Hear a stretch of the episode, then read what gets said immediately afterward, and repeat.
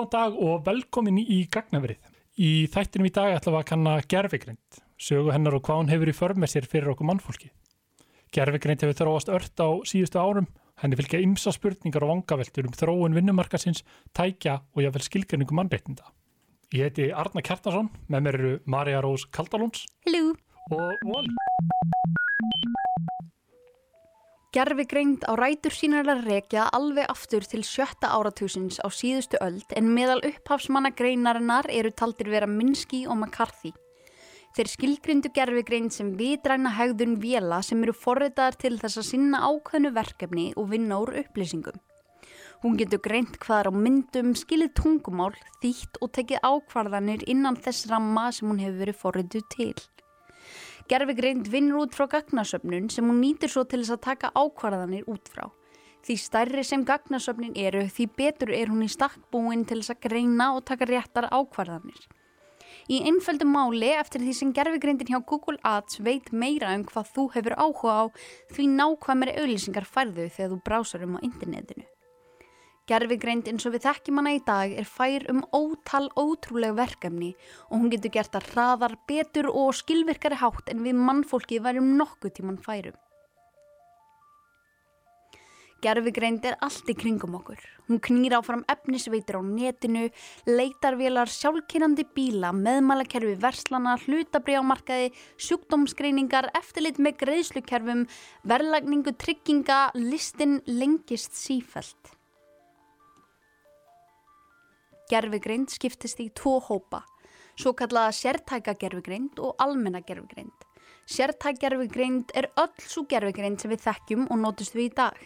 Hún spilar skák við þig, sínir þér auglýsingar byggður á því sem þú ert líklegur til þess að kaupa og rústar þér í póker. En hvað er almenn gerfigreind? Til þess að gerfigreind geti verið flokkuð sem almenn þarf hún að geta hugsað utan ramman sem hún hefur verið forðið til. Hún þarf að geta beitt raukhugsun á hvaða vandamál sem er og þarf í raun að vera með mennska meðvitund til þess að vera almenn gerfugrind. Svona eins og í Wall-E. Þið veitir hann að stýri sem, sem, sem vildi ekki fara til jarðar. Hún kom á 2008, um, er örgulega ekki á Netflix en þú veist ekki þið. Disney Plus. Disney Plus, jú, Wall-E er á Disney Plus fyrir ykkur sem ekki hafa síðana. En hvað hefur gerfigreindin upp á að bjóða? Hvernig notum við hana okkur til gags í daglegu lífi? Ég veit það ekki. Ég bara hef ekki hugmynd. Stundum þarf maður að byggja um hjálp. Hingaði til okkar komin Saga Ulfarsdóttir. Velkomin. Saga starfar sem sérfræðingur í gerfigreindar teimi Advanju og ætlar að ræða við okkur aðeins um gerfugrindina. En áður um við fyrir út í þetta, þá vil ég kannski spurja þig bara aðeins, uh, hver ertu? Hver ertu? Hvað er það að gera hérna? Ég, já, ég er í grunninn hvað, verkfræðingur. Ég er kona, ég er íslendingur, ég er verkfræðingur sem að ég hef mikið áhuga á tækni, vinn með frábæri teimi í Advanja, ákveður núna við að innleiða, innleiða spjallmennalausnir hjá fyrirtækjum.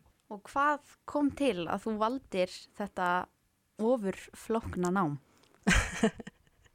Heyrðu, það, uh, það var ekki beinleið að því, heldur er, byrjaði ég í vélaverkfræði og ætlaði eins og bara að vera það hardcore vélaverkfræðingur í framleiðslu og fór að vinna í Marel eftir að ég kláraði vélaverkfræðina og var þar í framleiðstýningunni og bara flott fyrirtæki, skemmtilegt að vinna þarna. En ég tók eftir því að það var rosalega mikil hluti vinnuna sem fólst í því að bara slá handvirt inn tölur. Og mér finnst það heimskulegt. Þannig að ég byrjaði á því að svona sjálfvirkni væða hluti, skrifa forrið, læra kóða í frítímanum.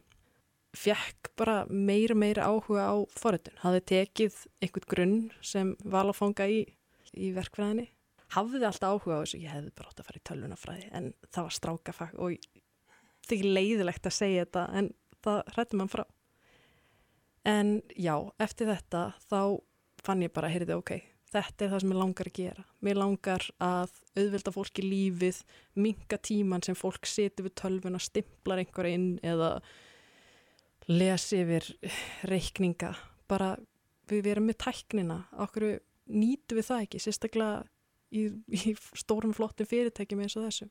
Þannig að ég vil helst bara að það sé nýtt á öllum svið. Ok, bjargvættir fólksins með tækna af ofni. Og nú svona að aðal málinu sko og nú ætlum ég ekki að gera lítið úr okkur eða hlustendum en bara svona til öryggis þar sem þetta er pínu flókið málefni hvernig myndur þú lýsa gerfigreind fyrir barni? Já, hérna gerfgrind náttúrulega hvað sem er stórt hugtak og er fjöldi náttúrulega lausnum þar undir og ég veit að fræði samfélagið og markarnum er svolítið svip, ólíkar skilgreiningar að því. Ef að fyrir barn ímyndað er að þú sért með heilan her af þryggjára krökkum. Ó nei, mest Bara á, e, á, e, á eyði ég. Já, og hérna hvert einasta barn er ekkert sérstaklega greint, það eru frekar træðgáð en hérna þú getur látið þau gera einn einfaldar hlut. Þú getur kannski látið hvert eitt einasta barn, já, gera einfaldar hlut og mismundir hlut og stilt þeim þannig upp að saman geta þau leist miklu, miklu floknara verkefni en hvert og eitt gæti. Og þau, þá ertu nokkurn veginn komið með svona uppsetninguna að gerfi greind. Þú getur ekki sagt að hver einasta eining sé greind per se en heildin býr til eitthvað sem að fyrir, fyrir utanaðkomandi virðist vera greind. það var pínu, pínu skeri útskýring.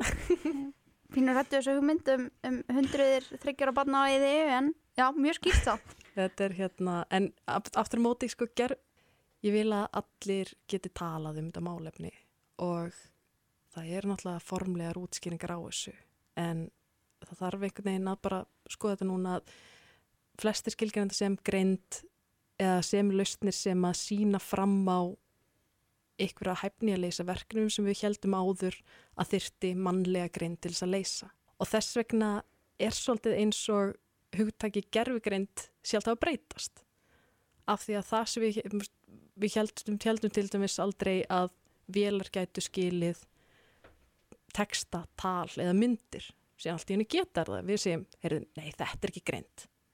Þetta er ekki greind, þetta er vélan að geta, þetta en þetta er ekki raunveruleg greind.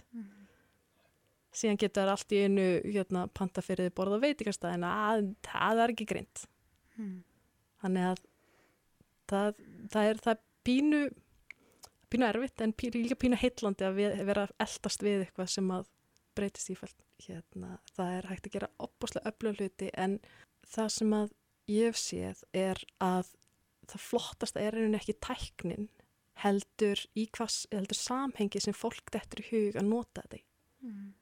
Að það er miklu meira þegar einhverju sérfræðingar á okkur sviði finna upp kreatífa lausnir veist, með því að nota snjalla tækni og geta þá auki virði þegar lausnir sem þeir eru með. Hver eru svona helstu hugtök til að hafa í huga þegar kemur að gerfugreind?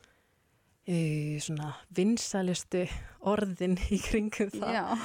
Um, það, það er svona, hvað getur skoða þetta út frá nokkrum sviðum. Mér finnst alltaf gott að hafi þegar maður hugsa bara um gerfugreind í heildina, gott að hugsa um þessa klassísku skiptingu, það sem er henni skipti í þrjá hluta. Þú ert með hérna narrow intelligence eða hvað sem að þör, þröngagreind. Og hérna síðan general hérna, intelligence og síðan superhuman intelligence. Og það held allir að við verðum myndum ná sem sagt greind sem væri, myndi jafnast á við manneskjur. Sem við hefum ekki náð ennþá. Og flestar halda um leiðu við náum því þá erum við komin með superhuman greind. Af því hún mun halda áfram að byggja sig upp. En kannski ágætt að muna að, veist, kannski hýfast þess nýru jörðina, við erum á stað þar sem við höfum opbáslega mikið að vinna úr í lausnum sem að fást við ákveðið afmarka svið og lausnir sem er opbáslega góðar í því og geta auðvölda okkur lífið á marganhátt. Þannig að veist, eins og til dæmis þetta að við þurfum ekki að vera stimpla inn einhverja lausnir bara fyrir eitthvað gagnakerfi til að sapna af því að það er svolítið svona heimur sem við búum í núna. Þú veist, hann er, hann er alltaf hungraðri í meir og meiri gögn. Við þurfum alltaf að veita meiri gögn, það er alltaf verið að sapna meiri gögnum það að spila meira inn í líf okkar og sem manneskjur þá er ekkert rosalega fær að takast á við greining þess og þess vegna þurfi þessi tól sem eru til í dag til þess að hvað segja, til þess að vinna með gögn, til þess að auðvitað okkur lífið. Þannig. Er gerfugreind fær um að útrýma mannlegum mistökum? Já og nei. Mest nei. Það er hérna, ég hef lengi, ég, ég hef lengi verið að skoða sagt, samspil mannlegra ákvarðana og ákvarðana algoritma. Og það er sérstækt rannsóknarsvið sem við skoða það og margir sem komist að þeirri niðurstöðu að sameileg ákvarðun manna og algoritma getur verið betri heldur en ákvarðanir manna Mhm. en aftur móti séu ákvarðanir gerfugrindar ekki betri en ákvarðanir manna Mm. og ákvarðanir manna ekki betri en hérna, samsett þekking. Það er bara gerfugrind og semst, algoritmen sem liggja undir því þeir gera mismunandi mistök og algoritma gera oft mistök sem að manneskja myndi aldrei gera Mhm. og það er þess vegna sem, og það er þau mistök sem að valda gífilegur hræðslu í heiminum í dag. Mm. Fólk verður svolítið að fatta að gerfigreind, sérstaklega gerfigreind byggð á gögnum getur ekki verið betri heldur en gögn sem hún byggð á. Mhm.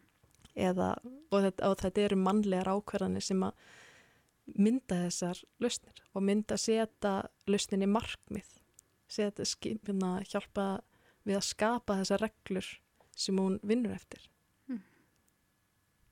Já, þannig gerfugreind sest kannski ekki í bíl full, eða þú veist, sest í bíl, skilur við, sjálfgerandi bílan. en hún keirir alveg á fólk. Já. Eins og fólk, já. Hún á, hún á hérna, Ná ekki að keira á fólk, en hérna hún, hún á í sömu vandræðum og við með ákveða hvert eigi að beigja, hvort eigi að klessa á mannesku eða sveigja til hlýðir og klessa á gamla konu. mm. Eða veist, þetta er, það er svo mikill mannlegur þáttur sem liggur átna baki. Það gerfukenindi getur ekki leist þessi flóknu síðferðislegu vandamál sem eru svo oft, sem við eigum svo oft við. Mhm. En aftur á móti, bara þú lítir bara á hérna, svona einfaldara hluti, þá getur gerfugreind oft um, farið yfir, til dæmis bara texta unnið með okkur eða við getum nýtt hana til þess að fullvis okkur um að við séum að gera hvað rétt. Mhm. Já. Þá myndir þú segja að gerfugreind væri greind, raunveruleg greind? Að bara, hvað finnst þér um þetta? Óháð eh, fræði samfélaginu. Já, við komum hérna í heimsbygglu umræðina. Ég á svo erfitt með að skilgreina grind. Uh, þegar það er svo erfitt að segja að einhver tæki séu grind þegar við vitum ekki, við höfum ekki einu svona góða skilgreiningu grind. Mhm. Það sem að taldist vera grind fyrir nokkur áratugum er ekki nákvæmlega sama í dag. Veist, hérna er nú allt í einu komin hugtök á síðast áratugum með svo tilfinningagrind Mhm. sem var bara ekki til. Þannig að við finnst eiginlega ekki tilgangur í því að, hérna, að hugsa það. Mhm. að hérna, ég sé þetta sem tæki og tól hvort þetta búi yfir sömu eiginleikum við. Ég meina það er alltaf hillandi að hugsa um það, hvernig við erum gerð, hvaða, hvaða algoritmar og regluverk og lógik búa undir okkur. Mm. En þetta er kannski meira introspection fyrir manneskjuna heldur en tæknina. Og hver finnst þér vera svona helsti miskilningur meðal almennings þegar kemur að gerfugreind? Að tæknin sé hættuleg frekar en fólk og misnotkona tækni. Mm. Þetta er eins og að segja nývar séu hættulegir, veist, mér auðvitað og misnotar, þú misnota tækja tól, þá getur hérna, þá auðvitað Mhm. getur valdi skada mm. og fólk heldur líka oft að hún, það, það skrítið á sama tíma og fólk ofmetur hæfni gerfugrindar lausna, þá vannmetur það líka hæfni gerfugrindar lausna. Mm -hmm. Það er, er rosa skrítið. Það er líka ákveðin svona miskilningur með það að það séu bara eitthvað stórfyrirtæki úti í heimi sem að geti búið til gerfugrindalausnir. Mm -hmm. Við erum, það er rosalega breyting síðust ára, það er svona, svona það sem kallar democratization of AI, Mm -hmm. það sem að það er verið að búa til tól til að hinn venjulega manneskja, eða kannski sem hefur eitthvað smá forðuna kunnáttu, geti notað snjallustnir og geti búið til gerfigreindalustnir og það finnst mér afskaplega jákvægt að það sé í rauninni ekki í hópi, eða það er ekki bara í höndum stóra, stórfyrirtækja að gera þetta og svona rétt okkur heldur geti allir þróa þetta Mm -hmm. Það myndi svona segja það og kannski að það þarf það er svo mikilvæg partur af framtíðinni það er fólk fattar ekki hvað þetta verður stór partur af okkur daglega lífi og hvað þetta hefur áhrif á alla meðvitað og ómeðvitað í dag Mm -hmm. Já, þannig viðlíkingin um þryggjára börnin á í raun við um hér líka. Eitt þryggjára börn er kannski ekki sérstaklega hættulegt, bara eitt að lappa um, en hundra þryggjára börn á eiðiðu sem verður að stjórna af ílmeinandi mannesku geta verið hættuleg. Já, en líka mjög krútlegt og mjög, mjög gagli líka. Það átti að vera um gerfigrind, við erum farin að tala um barnaþrælkun í staðin. Einmitt, mjög grútlegt. Já. Og nú er margir sem, þú veist, heyra orði gerfigrind og fara beint í þetta sci-fi og vísinda skáldskap, bara Skynet og HAL 9000 og stýriði Wall-E, einmitt. Hversu mikið heldur þau að þessar sögur hafi áhrif á hvernig við lítum á gerfigrind? að gera það verkum að það er rosa svona, það er rosa stór fókus hjá fólki að því að skoða samskipti manna og tækni. Mm. Að fólk fer að hugsa um gerfigreind út frá sjálfu sér og fólk fer að hugsa um gerfigreind út frá sinni eigingreind á meðan það er ekkit endilega það sem að er besta lausnin Mm -hmm. ef fólk hérna þegar hannar sjálfkerrandi bíl þá vilt ein, endilega skoða ok, hérna er ökumadur fylgstu með nákvæmlega öllu sem hann ger og hegða sér og læra þannig heldur viltu vita hvernig hvernig kemur ökutæki í gegnum götur með, veist, og veldur við engum skada ferð eftir reglum Mm -hmm. þannig að fólk svolítið horfir frá frá mjög lítið sjónarhóttni Mm -hmm. en ég skilða alveg, það er, er heitlandi Mm en það gera það verkum að fólk, að fólk kannski sér ekki hina möguleikana -hmm. það sé, sé, sér þetta bara sem tæki til þess að nýta bara í hérna hverstagstæðstæðum Mm runni og, kannski, og það er, eru sumir hérna sum fyrirtæki sem hafa gert mjög, mjög ósexy gerfigreindalustnir og hafa náð góðum árangri bara eins og til dæmis það að hérna sjálfvirknu væða allan, reikningsskil fyrirtækja eða hérna, kostna, hérna skráningu kostna starfsmanna -hmm. En við viljum þú veist, það er skemmtilega að tala um tal 9000 og það er, og sérstaklega með tilkomu hérna talgerfla held ég að voice assistant hérna Mm. þá, þá fyrir þetta náttúrulega þessi samskipti og við þurfum líka að hugsa við kannski munum ekkert eiga samskipti við gerfugrindalustnir eins og við höfum samskipti við annað fólk munum, það mun mögulega breytast á næsta ára Mm. Já, þannig við tökum annað bíómyndareferens mm -hmm. eins og er í hör þannig, á, tölvan sem mann það já, um mitt, sem verður ástofngin af mm -hmm. Er þetta hægt? er þetta hægt? Er þetta hægt? Þú nú spá ég, er, er, er fókusin hjá okkur á röngum stað eða er þetta eitthvað sem við eigum eftir að sjá í framtíðinni? Bara hér er tölva sem er með, þú veist, Tilfinningar og ekki tilfinningar, hvað eru tilfinningar? Ég meina, já, en við erum á góðri leið með að ná upp samræðuhæfni um almenn málefni. Mm. En ég nú er kannski of lítið af því að vera ekki akademi og heldur kapitalismanum hérna Mm. og hérna hugsa en, en af hverju?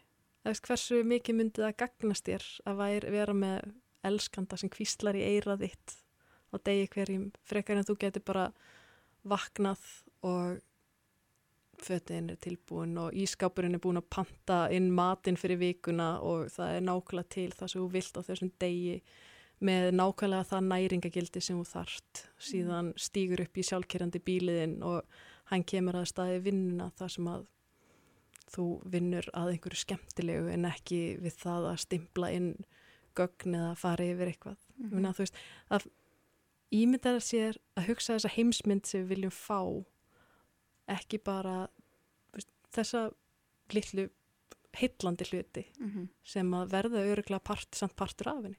Já, ég meina fyrsti augljósi kosturinn sem ég sé er að þú veist, ef þú ert að fara stefnumót með tölvu þá þarftu ekki að raka lappinar Eða bara neitt annað. Nei, það er ekki svo greiðar Það er ekki að deyja singul sko.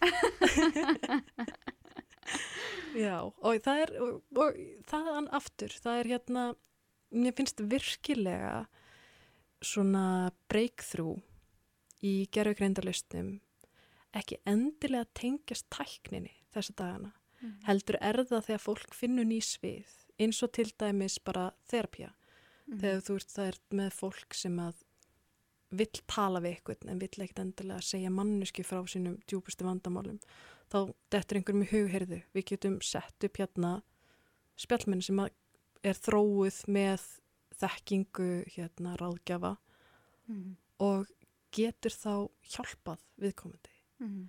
eða þá eins og hérna það er svo mörg dæmi í Danmörku Danmörku hérna, er mjög framlega kemur að þessu hérna það er til dæmis uh, voru þeir með þjónustu er unn- og verkefni sem er unnum í samvinni með neyðalínuna Mhm. þar sem að það var algoritmi greindi rödd viðkomandi og byrti þeim sem var að hlusta. Það er fólki miklu uppnámi sem ringir og aðilin sem er að hinmendanum getur ekki heyrta og síðan fóru þeir byggja hana það og seg- heyrðu, og fóru að segja hvenar ég var að senda sjúkrabíl út frá viðkomandi? Hvað, hvenar er rétti tími til að senda stað Mhm. og ábyrðið þurfti að samþykja það sem næsta skrif heyrðu þeir fóru að senda sjálfkrafa út frá algoritminu af því að hann hafði strétt fyrir sér Mhm. þannig að þetta er svona hlut, litlu hlutir sem koma fólki á óvart en geta veitt opslega mikið virði Mhm.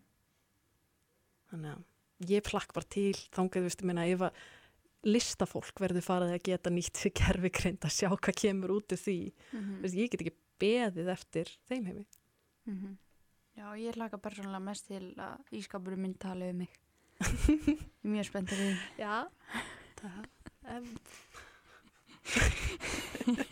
Æ, ég segi svona verður þetta góður ískápur eða vondur ískápur góður Já. það myndi segja mér hvert næringagildi morgumatsins mín styrði og mm segja nei Marja, ekki borða þetta jógurt, -hmm. þetta er bara sigur. En sami hversu snjallan væri, þá gæti hann ekki gert þig að skinsamari mannesku eða Það getur reynd. hann getur reynd.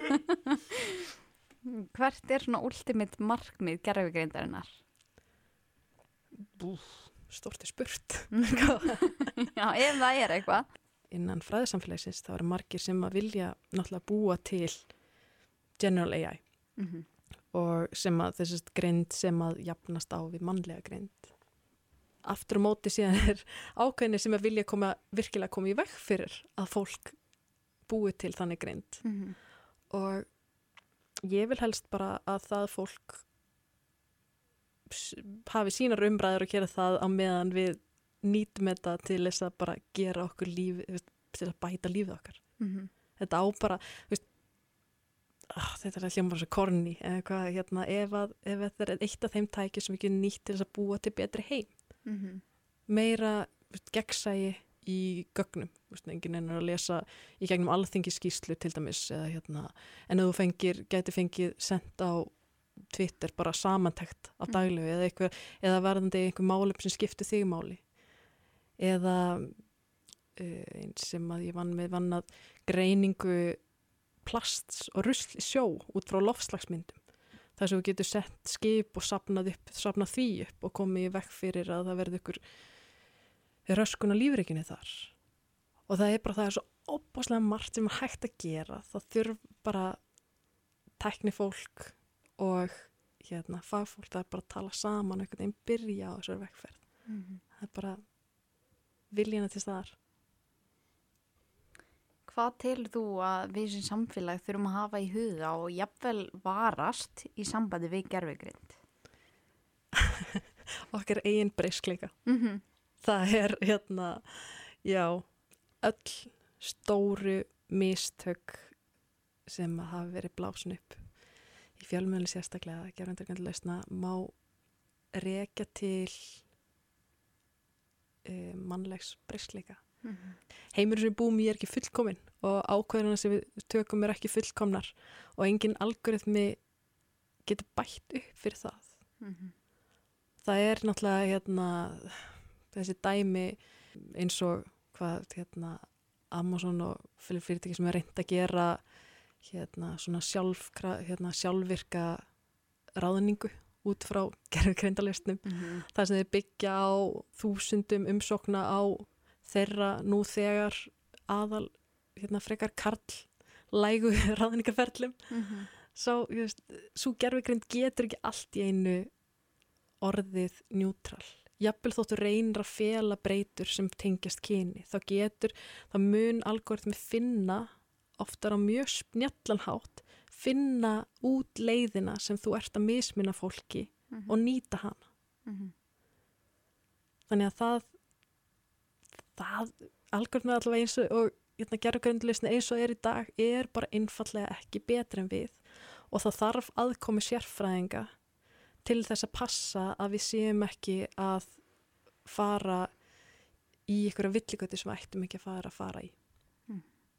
og vita hvenar við ættum að nota gerfugreind og hvenar ekki. Hvernig er staðan á þessu á Íslandi? Eru mörg fyrirtæki og stopnarnir að nýta sér möguleikana sem er í bóði? Já, um, sko Ísland er svo indislegt land og svo ákveðverð land til að byrja að segja við jákvæða hluti um Ísland eftir að ég kannski litið af því að hafa verið í Danmörku en mín tilfinning er að Ísland sé svona tveimur árum eftir á Mhm. að við erum bara virkilega að stíga fyrstu skrefin í þessu.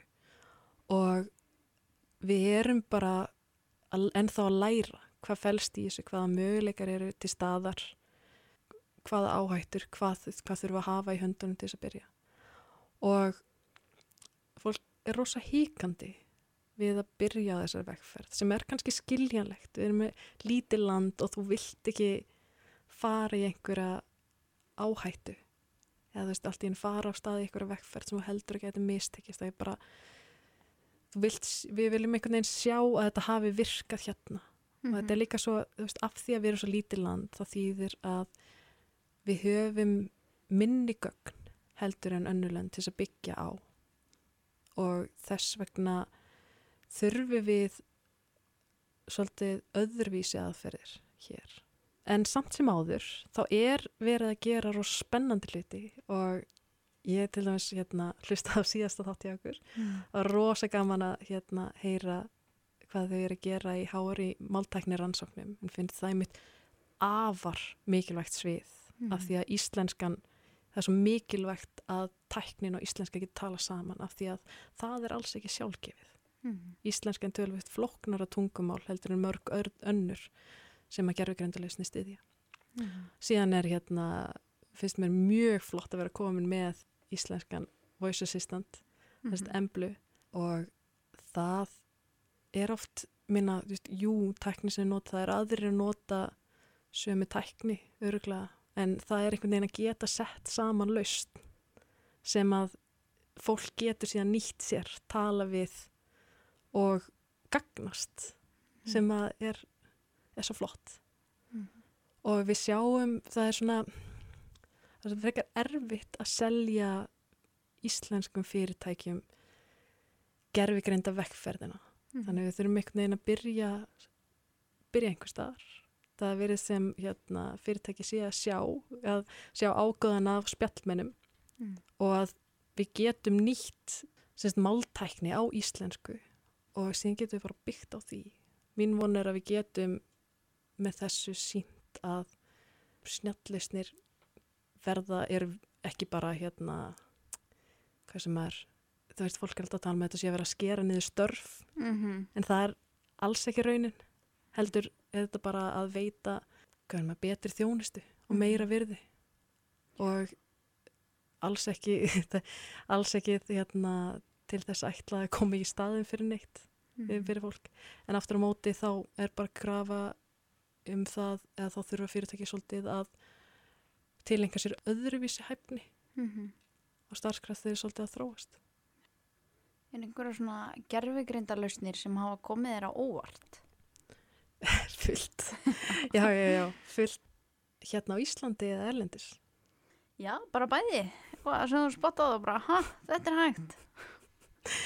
Já, mér finnst náttúrulega af því að, af því að ég skoði rosa mikið myndgreiningu Mhm. þá, þá kemur þetta, þá kemur alltaf óvart hvað, hvað við getum gert mikið, hvað við getum og, og nefnilega hérna svið sem er rosa mikilvægt fyrir Ísland kannski sem bara, mér vantar íslenskt orð fyrir þetta, ég hef þetta að tala við hérna taknisamfélagi áður en transfer learning, það sem þú tekur mótel sem er búið að þjálfa á miklu magni gagna og gefur því aðra tegunda gögnum og nýti sem sagt þá þekkingu, já, ég má, ég má segja þekkingu, að það sem er búið að byggja upp til þess að ná að leysa annað verk. Og það er svo, það kemur óvart hvað það virkar oft vel, sem, af því að svona, það er einhver svona grunn skilningur, innan gæsalappa, í fólkinni í mótilni sem við getur síðan nýtt við lausn annar verkefna Mm. og þá þarf ekki droslega mikið að gögnum og það er svo opbóslega hérna, þetta er svo opbóslega spennandi markvið fyrir Ísland af því að við erum kannski ekki, við höfum ekki þessir miljón gagnapunkta sem að þeir hafa ellendis heldur kannski bara nokkur þúsund og með þessi getum við búið til okkar eigin lausnir sem að eru næri jafn öflugar. Mhm. Já, og ég meina að samaskapi þá hefur eflaust reykist á líka að það hefur komið á óvart að fólk sé ekki að nýta sér gerfugreindarlausnir fyrirtæki og alls konar kerfi. Já, já, þetta er náttúrulega samspil rosalega margar þáttar. Við veist frábært að Ísland er að verða meira stafrænt að hérna gögn og skjöl og umsóknir þetta er alltaf að vera meira stafrænt því að það þýðir að þú getur nýtt það með snjallausnum. Mm Þú getur fengið, ef, ef, ef þetta líka prentað út í skúfu hjá okkur síslimanni þá myndi ekki geta nota gerfigreind eða einhver snjallaust sama hvað þú reynir -hmm.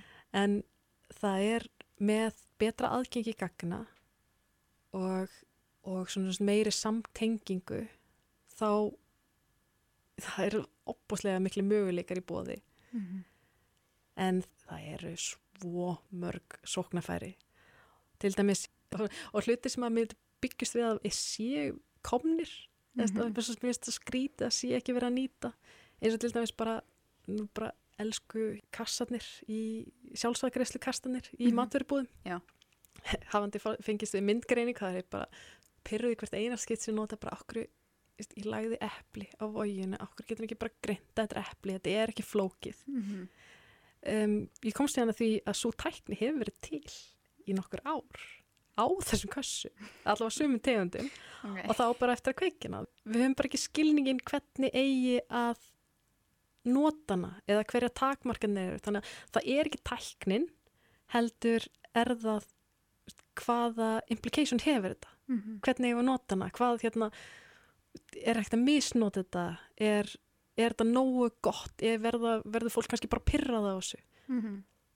þannig að það er fullt af möguleikum en fólk þarf einhvern veginn komast yfir hræðsluna við tæknina og fara að einbytta sér að því bara að, að notenda upplifunni bara mm. hvernig getur hanna nýja og notenda upplifun sem að bara er eitthvað sem er bara miklu betra en það sem við höfum áður sem er það sem að við munum hafa í framtíðinu það sem fólk mun búast við Mm. eins og núna þegar þú tekur upp hérna, tekur upp síma þú býst við því að það sé voice assistant á honum Mm -hmm. þú býst við því eða þú leitar á Google að þú fái niðurstöður sem er nokkur veginn svolítið tengdar þínum leitum Mhm. Þú veist, við, eftir því sem að það koma fleiri gerfigreindalausnir þá búist við við að það verði fleiri gerfigreindalausnir Mhm. En nú talaður um að aðgangurinn að svona ofnbyrju gögnum í Danmörku hafa verið góður og mikill. Hvernig er þetta í sambyrði á Íslandi? þessi fer batnandi það er öflugt fólk sem er að berjast fyrir því að gera Ísland eða að koma Íslandi á sama stað og hérna mörga hinn Norðurlöndunum um, já en eins og við, við erum svolítið góði vanur eftir að hafa verið í Danmörku að geta bara kallað á þjónustu og fengið skráningasögu fyrirtækja. Mm Veist, það er opillega gott. Og líka það að Ísland hefur mikið af þessum upplýsingum en það eru lokar á bakvið einhverja veggi. Eða þú ert að borga fyrir að fá þetta eða, og það er oft einhver bjúrukresi að það er á milli. Já, það já, ég bara vona virkilega að það verði fram fyrir næsta ári, hann trúi því Mhm. Er einhver svona bók, þáttur eða mynd sem þú myndir mæla með fyrir fólk að kíkja á ef það vill kynna sér gerðgrindar aðeins betur? svona bara upp á skemmtiefni eða fræðilegt Fræðilegt, en ég meina, þetta er eitthvað annað bara... Mhm. Já, um, síðasta svona bók sem ég las svona almennt um heimsbyggi hliðina á gerugreind var, var Homo Deus eftir Noah Yuval Harari held að sé byrja, byrja rétt fram. En það er, hún var nokkuð skemmtileg og það er, og það er mjög, finnst svo mikilvægt að skoða hlutin í starra samingi Mm. og hérna mæli með henni aftur á móti þá, það er svo mikið af efni sem að býður fólki að, að menta sig í þessu en mikið að það er náttúrulega fyrir fræðifólk. Mm þannig að þú ert með allt frá hérna frá þessum massiv online kursum sem er bú, hérna, bjóðist fólki að hérna, fólk getur tekið ókipis og síðan ertu bara með námskeiði háskólanum. En þessi semst, massiv þessi stóru kursar sem eru opnir eru margir mjög góðir og gefa góða mynd af gerugreind, mæli með þeir sem er að korsera -hmm. en síðan náttúrulega bara er hvað fólk til þess að halda áfram bara að tala um þetta. Hvað getur við gert? Ef fólki talar um, veist, byrja, í, ó, byrja að ímynda sér framtíð. Hvernig, veist, í hvernig framtíð viltu búa? Bara heyrið, ok, hvernig getur við búið þetta til? Mhm. en síðan, bara, já síðan ef maður vil kýpa sér niður jörðina getur maður alltaf átt að nokkra Black Mirror þætti Já, akkurat. Mjög spennandi, sko. mm -hmm. Já, mannréttindi vélmenna. Það verður spennandi, sko.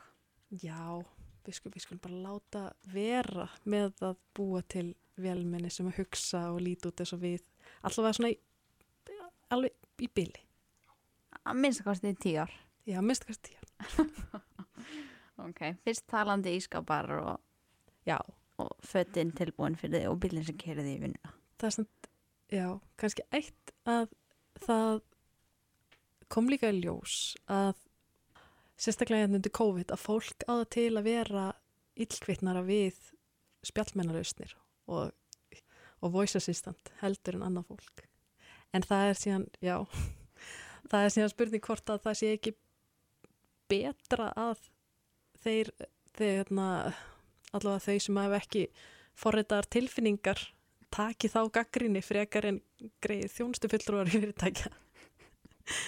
Já, ég meina, þú ætlar að öskra á einhvern, skilur við, Já, skára að öskra á vélmenni, býst ég við. þú getur ösk, ég meina, við vorum bara vonað að það veri ekki prógramaðar tilfinningar í ískapiðin, þá getur alltaf að öskraða þegar neytar ekki veður ís. Já, einmitt. Ah, já. Þetta er alveg tölvist grillar umræði heldur að þið ráð fyrir í byrjun. Já, möguleikarnir eru svo margir, vitt hugdag. Já, Já, en bara takk kærlega fyrir komin að saga. Bara frábært að spjalla við hérna. takk sem liðs. Og það kannski, já, hvert, hvert eiga fyrirtækin að leita sem eru ennþá að láta starffólki sitt stimpla tölurinn í Excel-skjál. Eru þau geta að tala við okkur hérna í gerðugreinda teimi Advanja.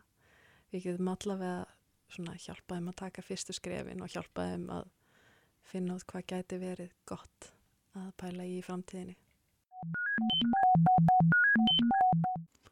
Nú hefur gerfegrind verið notið til ímessa hlutverka í þjóðfélaginu. Tilrunir í bandarækjunum til þess að nota gerfegrinda dómstígi og notkunina til þess að ákvara félagslega bætur. Margir spyrja sig því hversu siðlegt er að nota slík tól þess að mikinn mannleg samúð til staðar. Þetta og fleira ætlum að ræða við ástökurinn Helgadóttir, sérfræðingarsviði félagsmála í nútímatækni. Velkomin ástað. Takk fyrir. Takk fyrir að bjóða mér ynga. Uh, segðu okkur aðeins frá þér. Já, eins og þú sagði ráðan, þá heiti ég. Ég var, í, ég var þingmaða pírata á tíðanbili.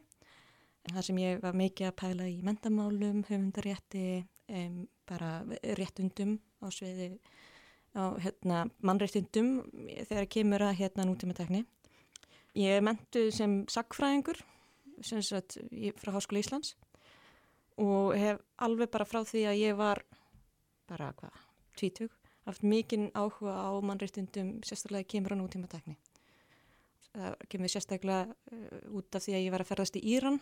Ég, ég hennar fór á puttaferðarlega um Íran þegar ég var 20, 21 og þar upplegið svolítið svona hvernig í raun og veru tækni getur verið frelsandi en líka notið til þess að kúa. Þá sérstaklega það kemur að hugmyndum til dæmis rýtskoðun á rýtskoðun internetinu og hvernig hægt er að nota ímiskonan tækni til þess að fylgjast með. Það er raun og veru það sem gera það verkum að ég verði svona áhuga á internetinu og nútíma tækni. Eftir þingmennsku mína þá fór ég í Oxford háskóla og laður stundan ám þar við hérna, Oxford Internet Institute eins og það heitur upp eðansku í fæi sem heitir Samfélagsfræði Internetsins.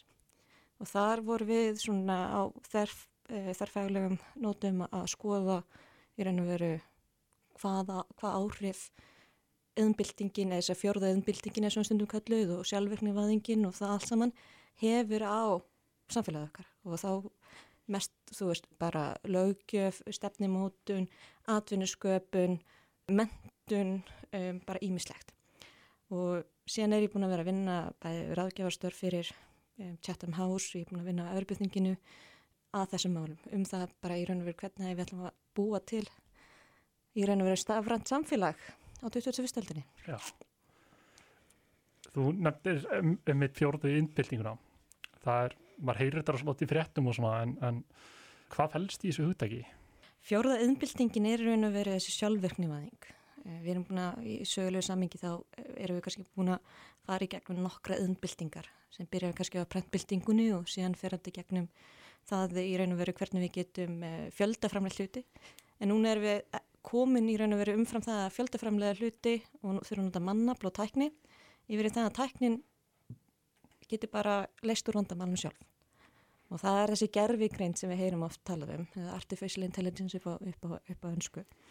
Og, og þessi tæknibilding sem hérna gerfigreind og sjálfvirknivæðing og raun og veru bara framleiðinin sem hérna egst með því er raun og veru það sem fjóruð yðinbildingin snýstum. Og þá erum við að horfa upp á það að við þurfum að til dæmis að pæla í styrtingu vinnuvíkunar, úr þessu koma hugmyndir um borgararlaun. E, þarna er verið að tala um hvernig, hvernig mentun, hvaða mentun þartu til þess að hérna, komast inn á vinnumarkaðin. Er, er ennþá þess virði að vera háskólinám undir einhverja til þess að læra latun og fórn grísku eða, eða, eða er það bara búið mál? Eða félagsfræðingar þurfum við þá lengur eða getum við bara verið með einhver tölvufórið sem bara sjáum þetta fyrir okkur og við getum bara að lifa í leti lífi hérna í staða þess að vera að vinna eða í staða svona útöpísku hugmyndafræðinum þetta. En sagt, bara þess að tækni breytingar sem við erum búin að vera að sjá undarförnum 30 árum frá því að við fengum fyrst heimilistölvuna er náttúrulega bara búin að vera gigantískar og hvernig við í raun og veru búum til uh, framtíðarsamfélagið er það sem í raun og veru fjörða innbyltingin og allt þetta í raun og veru snýstum. Hver eru helstu áhrif gerðveikanittarnar síðustu 5-10 árin á vinnumarkaðin? Sjálfvirknivæðingin, þú veist, þetta er náttúrulega bæði gerðveikreindin og hérna svona machine learning. Hefur endla gert það verkum að það er hægt að í raun og veru ná meiri framleiðinni upp að vissum ekki. Og það er náttúrulega mörg dæmi þar sem þetta hefur haft mikil áhrif. Eins og til dæmis uh, þegar kemur af því að það sem þetta hefur haft bara bein neikvæð áhrif á umsækjendur um störf þegar gerfigreint hefur verið nótu til þess að í raun og veru flokka umsækjendur og út af því að þarna var verið að reyna að nota í raun og veru þá púli af fólki sem voru stjórnendur sem voru þá þegar karlmenn eh, með, veist, með ákveðnaði reynslu og störfu okkur þannig að það náttúrulega tók til dæmis gerfigrindin það eh, leit sem svo á það að hérna að þú þurftir að vera karlmar til þess að fá starfið Já. þannig, veist, þannig hefur til dæmis haft breyn áhrif á vinnumarkaðin þegar við reynum með auðvitað að vera búin til aðkveðna fordama óvart með því að hérna nota gerfigrind en síðan er það sem þetta hefur gert er líka það að þetta hefur verið haft hvað maður segja, gert út af við ákveðin störf. Og þá sérstaklega svona störf sem hefur þótt auðvelt sálvirkja. Um, það er dæmið um það að gerfigreind hefur nótu til þess að ákvarða hvort að viðkomandi eigi rétt á félagslegum bótum og þar eru til dæmis í staðans að sé manneska sem er kannski félagsfræðingur eða mentaður í því að ákværa það hvort að viðkomandi er rétt að því að fá bætur þá er allir komin tölva þar í staðin og þetta líka vekur upp spurningar varandi þú veist hvað verður um með allir þessu störn sama með hérna svona call-in centers ég man ekki alveg hvað mann kannu maður segja það á íslensku svona símaver þegar maður er að reyna að fá aðstóð varðandi ímislegt þar eru, eru bara svona gerfi greint sem er, er að vinna þar. Þú segir eitthvað orð og hún á að skilja það hvað, hvað orð þetta er. Og síðan sem gerir það verkum þú ert aldrei að tala alveg um mannesku Nei. og þetta er líka stort vandamál á mörguleiti en síðan hefur náttúrulega gerfugrind líka verið rosalega atvinnuskapandi. Því að það náttúrulega þarf eitthvað að búa þetta til. Og hérna fyrirtækja bara við Google hefur verið mjög leiðandi í því og verið með mjög stóra rannsóknarstofu um, til bara um það bara hvernig ég búið til gerfigrind þannig að þú veist þarna er, er til dæmis tækifæri varandi það að hérna, búa til störf. En þessi störf eru þá kannski frekar það að e, forrita eða reikna út eða búa til veist, eitthvað sem tengist í raun að vera tölvinu sjálfri. Þannig að þú veist það koma ný störf en það eru önnu störf sem eru kannski farin að hverfa og við þurfum að fara að taka svolítið bara ákverðin um það hvenar, hvenar áttur að vera rétt að því að tala við mannesku þegar þú ert að tala við símaverið versus að tala við tölvu sem er mjög áhugavert, mjög áhugaverð umræði. En við erum bara að fara að sjá meira þessu, við erum að fara að sjá meiri sjálfveiknum aðeingu á næstu 5-10 árum eða það sem er búið að vera gerast núna út af því að það er ekki fyrir bara undan fyrir 5 árum þar sem við hefum séð þetta í raun og veru þessu stóru breytingar. Bara mikil framfyrir mjög skamum tíma þegar það kemur aða gerðveikvind. Og þegar við erum náttúrulega bara búin að fara í gegnum ákveðna svona bara tækni e, byltingu þegar að kemur að til dæmis hversu mikið vinslu minni tölvunar okkar geta verið með, e, hversu stór minni, e, geimslu minni tölvunar okkar hafa, geta verið með og, og þar fram til göttunum. Og það er raun og veru grundvöldin fyrir það að geta búið til gerfigrind og við erum bara frekar nýtilkomið þanga. Núna erum við kannski bara svona rétt svo farin að sjá smá en við erum ekkit endilega farin að sjá í raunverulega afleggingan sem þetta mun hafa á vinnumarkaðin og til við erum talað vinnumarkaðin þá þurfum við líka að fara að pæla í því hvað gerfugrein mun hafa áhrif á mentun, mentun og mentastofnanir sérstaklega þegar við erum komin inn í hérna, tímabil þar sem allir eru í hérna, taka eitthvað fjarnám bæðið á háskólastígi, á grunnskólastígi á framhaldsskólastígi hvernig munum við fara að sjá fleiri svona gerfugreinda kennara til dæmis þar sem þú ert bara með hérna eitthvað svona virtual classroom það sem þú ætti að hérna, vera að læra, fá einhverja mannesku sem er að kenna í spænsku en þetta er ekki manneska heldur, er þetta bara tölva. Þannig að þetta er svona, þetta er, þetta er mikið, þetta er bara framtíðin er miklu meira svona spennandi þegar það kemur að þessum málum heldur en kannski nákvæmlega það sem hefur gerst undan fimm árum. eða tíu árum. Varðið mentakerfið er alveg raunhæft að, við sem var að sjá robotakennara eftir hvað, fimm ár, tíu ár. Ég meina við nú þegar með ímsa leiki sem ég raun og byggjast á svona frekar bara svona yfirborslegri gerfiðgrind og ég meina þú veist við erum með leiðir, veist, við erum komið mjög langt þegar kemur að talgreiningu sem sem myndi segja að sé hérna, gerfigreind, við erum komið mjög langt þegar kemur að hérna, sjálfurkli textagreiningu og textasmíði um, sem getur líka verið gerfigreind þannig að við erum að, og af hverju myndi þetta til dæmis ekki fara líkan í mentakerfið og þá er þetta spurningin sko þú veist þessi hugmyndin um það að rétturinn til þess að eiga samskiptið við mannesku þegar það kemur til dæmis að kennarastörfum, þegar það kemur að félagsfræðingum, þegar það kemur að því hvort að hérna, þú fáur atvinnuleysi tryggingar eða, eða hvort þú fáur félagsbætur. Er þetta að tala um mannesku er þetta að tala um tölvu? Og ég held að það verður í raun og veru svolítið svona, kannski svona næstu pælingar. Hvaða störf er við í raun og veru að fara að útrýma? Er að fara að útrýma kennarinn einfallega út er ódur að vera með hérna frökun Júliu sem er hérna kennarinn fyrir 3000 mann sem er að kenna öllum spænsku í einhverju appi sem hérna, fólk getur bara verið með heima. Eða er það kannski bara betra upp að félagslega þróskum batna að vera í samskiptum við alveg mannesku þótt að, þótt að eins og við staðanir í dag að hérna, krakkar getur ekki farið mikið í skólan út af, út af hérna nú verðandi ástandi.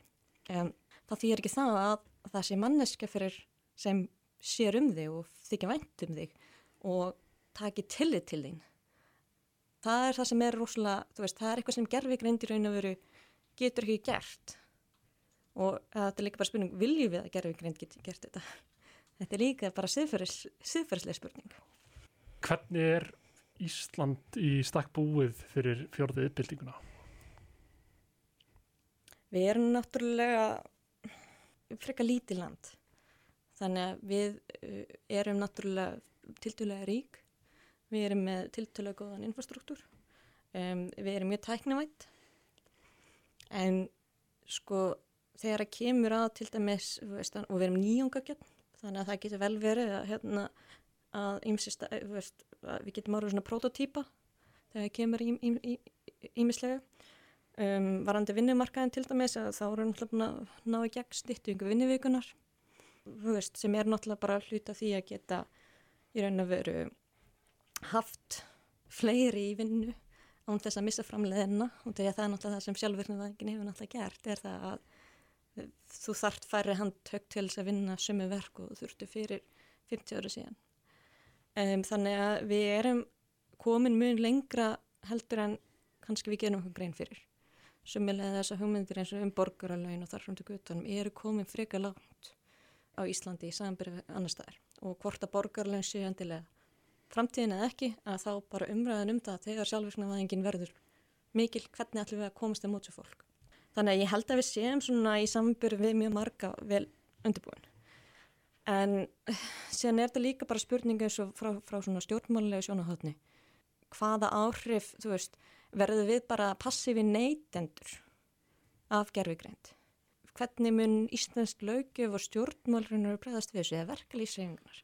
Þegar kemur stefnumótun á þessu sviði og þegar þetta er ekki þetta er eh, vandamálum við alla svona tækni er það að hún fer út fyrir út fyrir landamæri. Og þetta er til dæmis það sem við erum að sjá með vandamál með TikTok sem er eh, líka hérna kínversk forrið sem byggir mikið á gerfigreind um það hvað fólki finnst skemmtilegt og hérna síðan er stutt myndbönd og ýmislegt eftir því hvernig eh, hvað, hvað hérna fólki verður skaman en þetta er kynverst fyrirtæki sem er að nota kynversk gögn, eða kynversk aðferði við það að vinna um gögnum.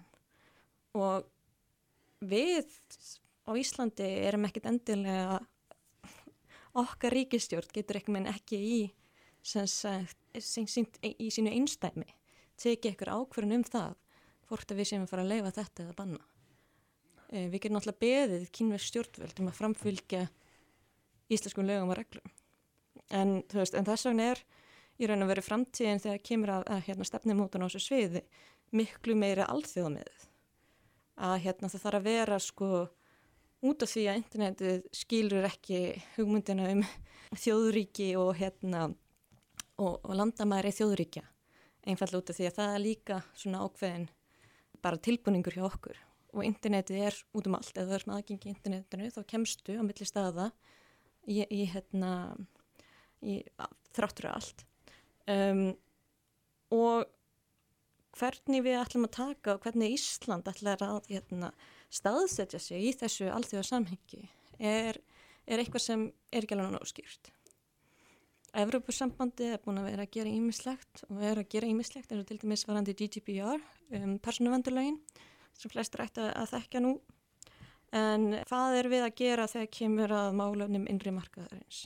Þegar kemur að gerfigreint um, er eitthvað vettvangar út en nú erum við til dæmis ekki hluti af Europasambandinu við erum ekki aktífi hluti af Europasambandinu en kannski er heldur Europasambandið heldur ekki rétt í staður en til að segja þessi eiga þetta samtal, kannski þurfum við að fara enn herra og þá er að spurning þú veist saminuð þjóðunar Já.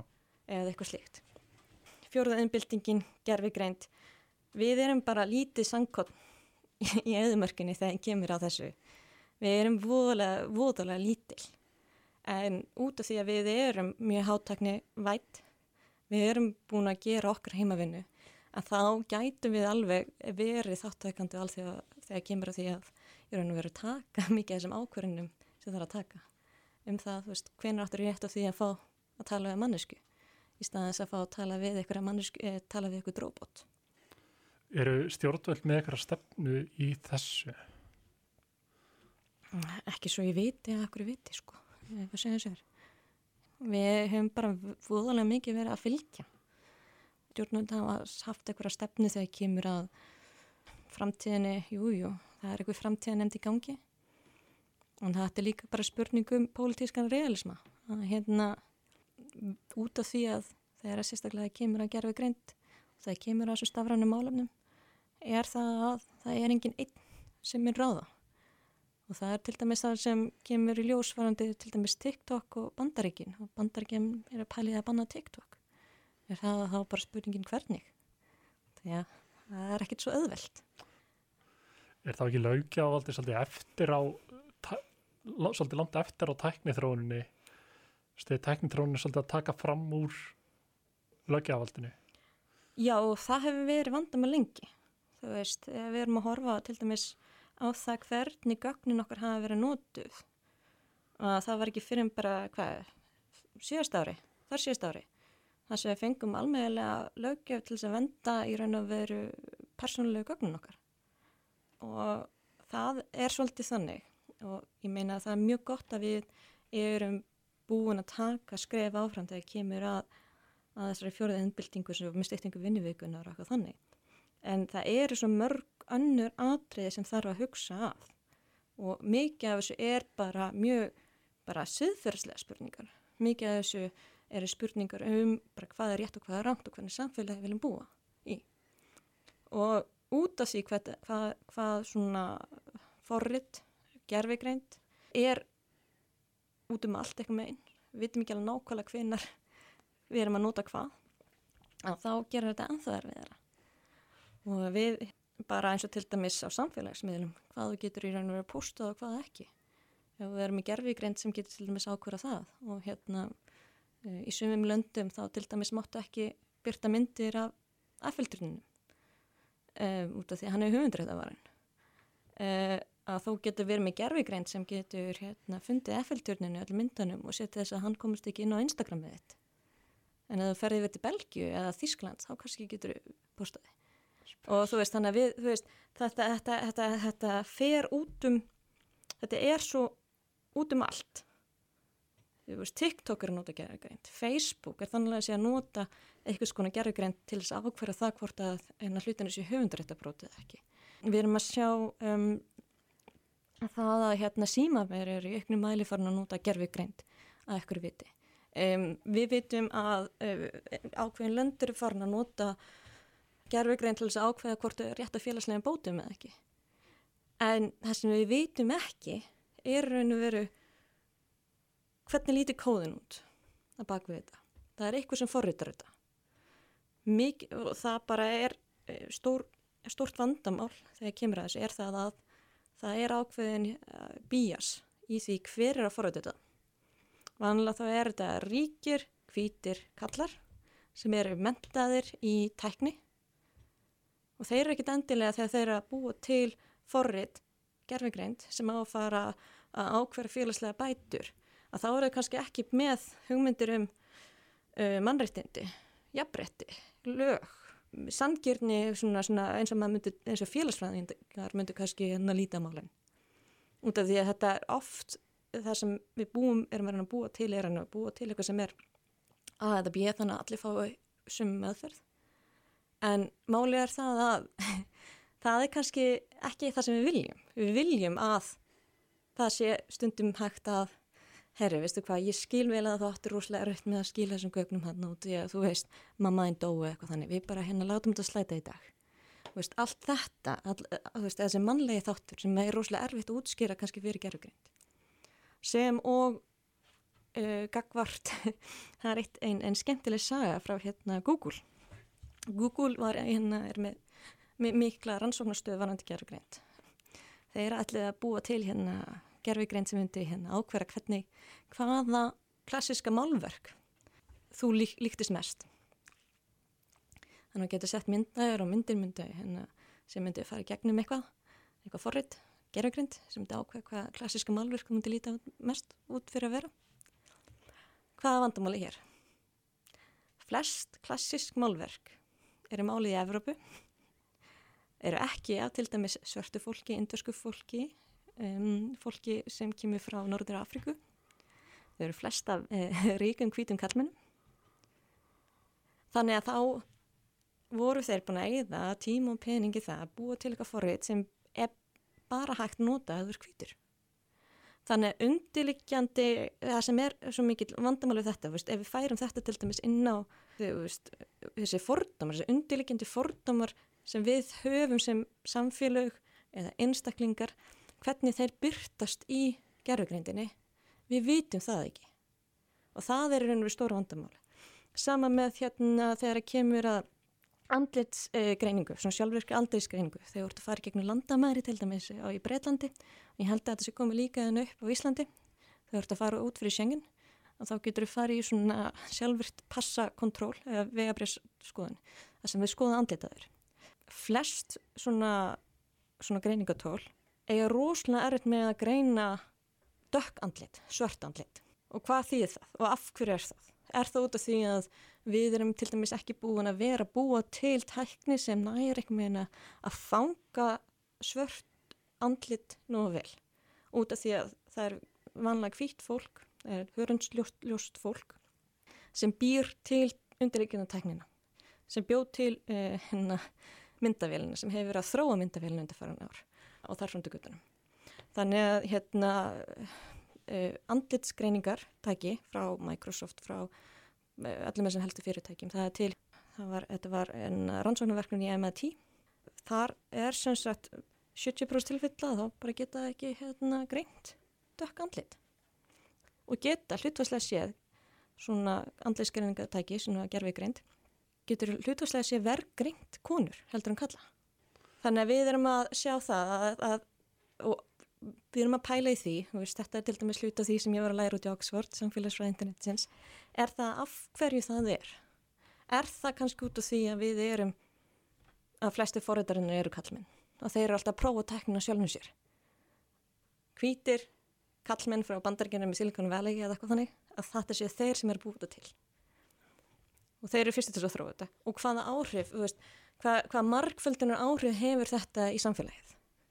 Þannig að hérna, um, þú veist, þannig að þetta er, þetta er eitthvað sem maður þarf að pæla í þegar maður er að pæla í því, þú veist, hvaða áhrif gerfigrein mun hafa á samfélagið, hvernig það mun hafa á vinnumarkaðin, hvernig þetta mun, þú veist, breyta störfum, en líka bara hvort að við hefum verið nút þetta, hvort að það sé rétt að beita ákveðinni tækni bara til við höfum hana.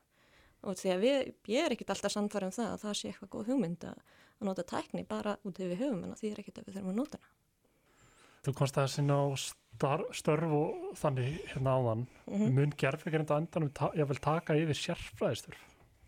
ég meina hvað eru sérfræðistörfi Svo lögfræði eða... Sko, já, ég meina það náttúrulega er náttúrulega þegar byrjað að hérna það eru komnar sem sagt tilraunir, ég held að í Íslandi og í bandaríkinum það að nota gerfi greint til þess að hjálpa dómurum að dæma og hjálpa dómurum við það að skrifa dóma til þess að búa til eins, eins þannig að það verði eins samhæft og sam, mikil samleikni í því hvernig dóma, dómanni líti út og hvað eru niðursta dóman er.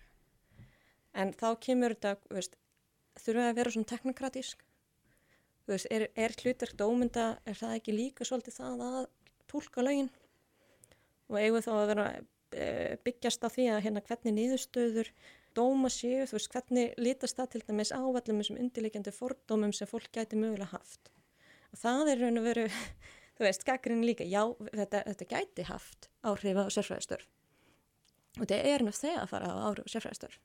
En við þurfum að líka líta svolítið svona krítist á það hvort þetta sé eitthvað sem til dæmis við Íslandi viljum. Vandamáli þar er líka bara aðgengi að tungumól út af því að sagt ef þú ert að reyna og hvernig tungumál reynur við spila inn í gerðvigreind þegar þú ert ekki með aðgengi að allur korpus íslenskunar ef við tökum bara frá upphafi alda sem er öll framleiðinu okkar er ábyggilega svipa mikið og er gert á hverjum einustu degi í orðumtalið á ennsku.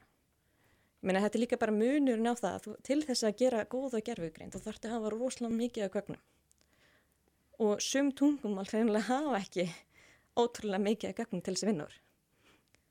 Á, í samanbyrju við kínvesku eða ennsku eða spænsku þar sem eru miljónir og miljónir af fólki sem hérna hafa talað þetta og talað um þeir ef við tökum alla sem hafa fæðst og dáið og talað íslensku þá er það kannski svona miljónina hálfmiljón þannig að þú veist þannig að við þurfum líka að horfa til þetta þú veist þegar við erum að pæli því að, að hérna, innleiða til dæmis uh, þegar við erum að tala um lög eða til lögfræðistörfum uh, og dómstörfum að er hægt að treysta gerðvigrindinni út af því að við getum kannski treystin á ennsku eða spænsku.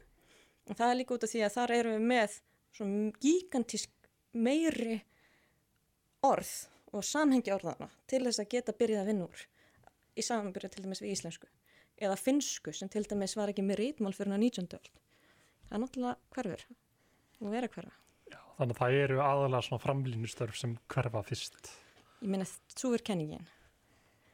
En eh, ég, ég meina og við erum alltaf búin að sjá það og bara með, veist ekki eins og gerfigreindinu þannig að sé heldur bara með meiri hérna framleiðin út af því að tölvinu okkur hann er betri, við þurfum að prenta minni pappir og þurfum ekki að senda jafn mikið post, að þar eru þú veist, við erum að sjá fara, fara, fara fólk sem er að vinna við postútbúr til dæmis, en það er líka þú veist, í stóru samhenginu aflegging fyrir innbyltingarinnar en á sama tíma þá erum við líka að sjá meiri post eða meiri pakka út af því að við erum að sjá fólk hérna, geta kæft á Amazon í bandaríkjundum ímislegt og, og þarframtökutur. Þannig að veist, við erum að sjá breytingar og svo er að líka kannski er framlýnustörun að breytast. Í staðans að vera að bera út post og þá kannski ertu að e, eh, mónitóra Facebook postu í fólki. Og hérna allveg það hvað gerfi greindinni, hún pekaði upp eitthvað, eitthvað ólögulegt, eitthvað þannig. Að þá er fólk nú þegar í, í verum út um allan heim að fara yfir það hvort að þetta sé brota á hérna lögum eða, eða hérna terms of service eða þarfandugötunum. Þannig við erum að sjá líka breytingar og út af því að um, breytingar á því hvaða ég er að nöru fælst í því að vera framlýnist starfsmæður. Ég minna gerfi greindin minn ábyggilega koma inn í sérfræðistörf en við þurfum að horfa svolítið krítist á það hvernig við innleiðum þetta og af hverju og hvernig og það er mjög svona fjölbreyttar ástæðar fyrir því eins og ég hef að nefna Já þá í sérfræðistörfum þá eru við kannski að horfa á gerðvíkrind sem meira sem hjálpatæki fyrir ykkar heldur en að vinna starfið sjálft Ég minna það eru margir sem myndu vilja bara að gerðvíkrindu myndu taka yfir dómara að þú getur bara hérna sett e, til dæmis inn þú gerir þetta, þessi gerir þetta A, B, C, A, B, C og brekkum með reiknund út. Og ég meina, þú veist, það er alveg tilröðinu varandi þetta. Sama til dæmis með það, hérna, myndlist eða textasköpun eða eitthvað þannig sem er eða jafnvel sko hérna læknisfræðin. Að hérna nota gerfugrind til þess að hérna er raun og veru búa til eða framkama aðgerðir eða greina krabba mín um, veist, það, það, það er náttúrulega verið að kanna þetta. Þannig að það er algjörlega að gerast. En hvort þetta muni hverfa byggir svolítið að því að hérna, við vitum ekki nákvæmlega hver ber það ábyrðina þegar við erum í gerfugreind getur gerfugreind borið ábyrð getur gerfugreind farið í fangelsi ef þú ert með gerfugreind sem gerir eitthvað að sér hvað, hérna, hvað verður að gerfugreindina? eru það allir þessi tíu forritarar sem forrituðina? er það gagnasettið sem er ákvaðu? er það fyrirtækið sem ber ábyrð? og í raun og veru þá er þetta stóra mér er miklu starri spurning sem við erum bara einfallega ekki komið svör við og við erum að búa til svör við þessu.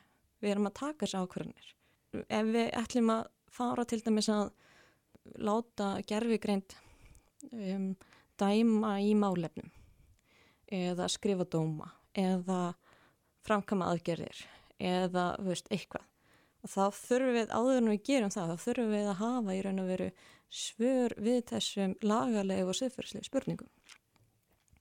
Og ég held að þanga til þá þanga til við höfum þessu svör þá held ég að við séum ekkit að fara endilega að sjá sérfræðistar hverfa. Uh, Mynd þessi þróum kalla á aukina mentun hjá fólki? Algjörlega. Ég minna ekki bara, þú veist, ekki bara mentun svona, þú veist, að, að læra að lesa og skrifa eða, eða eitthvað þannig, heldur líka bara uh, mentunum það hvernig þetta virkar. Því að við erum ofta að tala um gerfugreind sem eitthvað svona, svona eitthvað töfra. Og það náttúrulega er ekki alveg þannig. Og ég held að eh, hlutir eins og persónuleg gögn þetta er til dæmis eitthvað sem ég hugsa að verði veist, hluti að mentun okkar í framtíðinni hvernig ég að díla við það. Og líka bara þú veist hvernig ég að nota nýja tækni. Í tækni býr alltaf til nýja kröfur nýja mentun og öðru sem mentun og endur mentun Hvernig mun fólk afla sér tekna eftir 10-20 ár? Bara ábyggjala eins og við gerum það núna eins og ég, ég trúi því ekki að við séum að fara að sjá það að fólk er að fara að missa vinnuna sína í hrannum út af gerfigreind. Um, ég held að hlutinni bara séu að fara að breytast, við erum að fara að sjá nýja vinnumöguleika, við erum að fara að sjá nýja atvinnum farið tækifæri. Það náttúrulega eru hugmyndinar um til dæmis um uh, borgarálun, styrtingvinni vikunar, þarfamöndu gutunum. En ég ekki megin held að þetta samfélag sem við búum í mun ekki breytast það mikið á næstu 5-10 árum. Það er kannski meira 50 ár fram í tíman sem við þurfum að hugsa. Það er ákveðna stjættir sem munum mögulega hverfa en hérna eða breytast og það er náttúrulega því að það þarf að vera ákveðin endurmentun um, þar á en ég held að við séum ekkit að fara að sjá að það allir sé að fara að vera borgarleinum alltaf. Ég held að COVID hafi líka sínt fram á það að hérna fólki finnst gaman að fara út og vera meðal fólks og vinnumarkaðurinn og vinna snýst náttúrulega líka rosalega mikið um það. Við lifum í alltaf öðrum veruleika en til dæmis fyrir tíu árum. Þurfum við ekki að fórna fríðhelgi okkar að ykkur liti? Hvort við þurfum að fórna fríðhelgi okkar? Ég er ekki alveg, alveg samfærið um það. Við erum náttúrulega að sjá ákveðna tókstreitu þegar kemur að réttundum og skildum og í raun og veru eins og segjum fríðhelgi og fríðhelgi engalífsins sérstaklega. Og við erum náttúrulega búin að búa til e, sem sagt að Europasambandinu sem sagt nýju persónuvendulegin sem eiga náttúrulega að vernda það. En þá er þetta bara spurning um eftirfylgni. Þegar málefnin eins og sérstaklega með gerfigreind og, og til, til þess að gerfigreind virki þá þarf fólk að hafa aðgengi eða þá þarf, þarf forreit að hafa aðgengi að rosalega mikið af gögnum. Og suma þessum gögnum getur verið ákváðamáliðin, það getur verið andlitið þitt, það getur verið hvernig þú talar. Og upplýst samþykki um það hvernig, hvort og hvernig gögnin eru nótuð er eitthvað sem við þurfum að halda frá að venda en það er náttúrulega alveg styggsmunur á því þú veist, hvort við séum að fórna ykkur ég vil ekki meina það. Ég meina ég held að við séum samfélagið er að breytast. En við þurfum bara að sjá til þess að sé eftirfylgni með þeim lögum sem við erum með og það er náttúrulega á við og það er náttúrulega vandamáli um það að hérna, sjá til þess að til dæmis að Kína eða Bandaríkina þau framfylgi þeim kröfum sem við sem erum hlutu af Evrópu erum að setja okkur.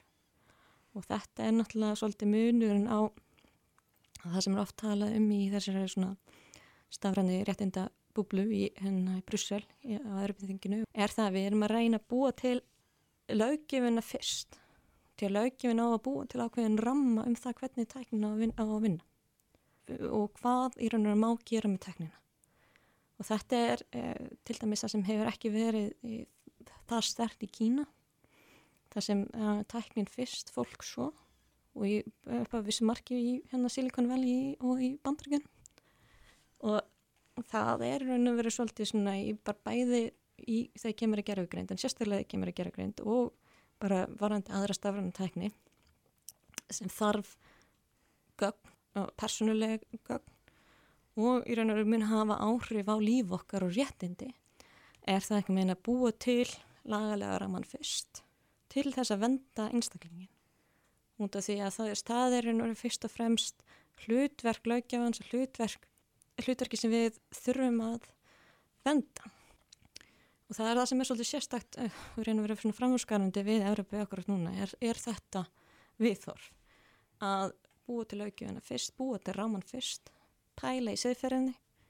Tækninu er mjög spennandi og það er að gera rosalega margt með tækninu en þetta er líka stundum kannski eins og læknisfræðin. Þú getur gert rosalega margt með læknisfræðinni ef þú sleppir siðfræðinni Hvernig getur við vita hvernig við verðum að brjóta á mannréttur okkar?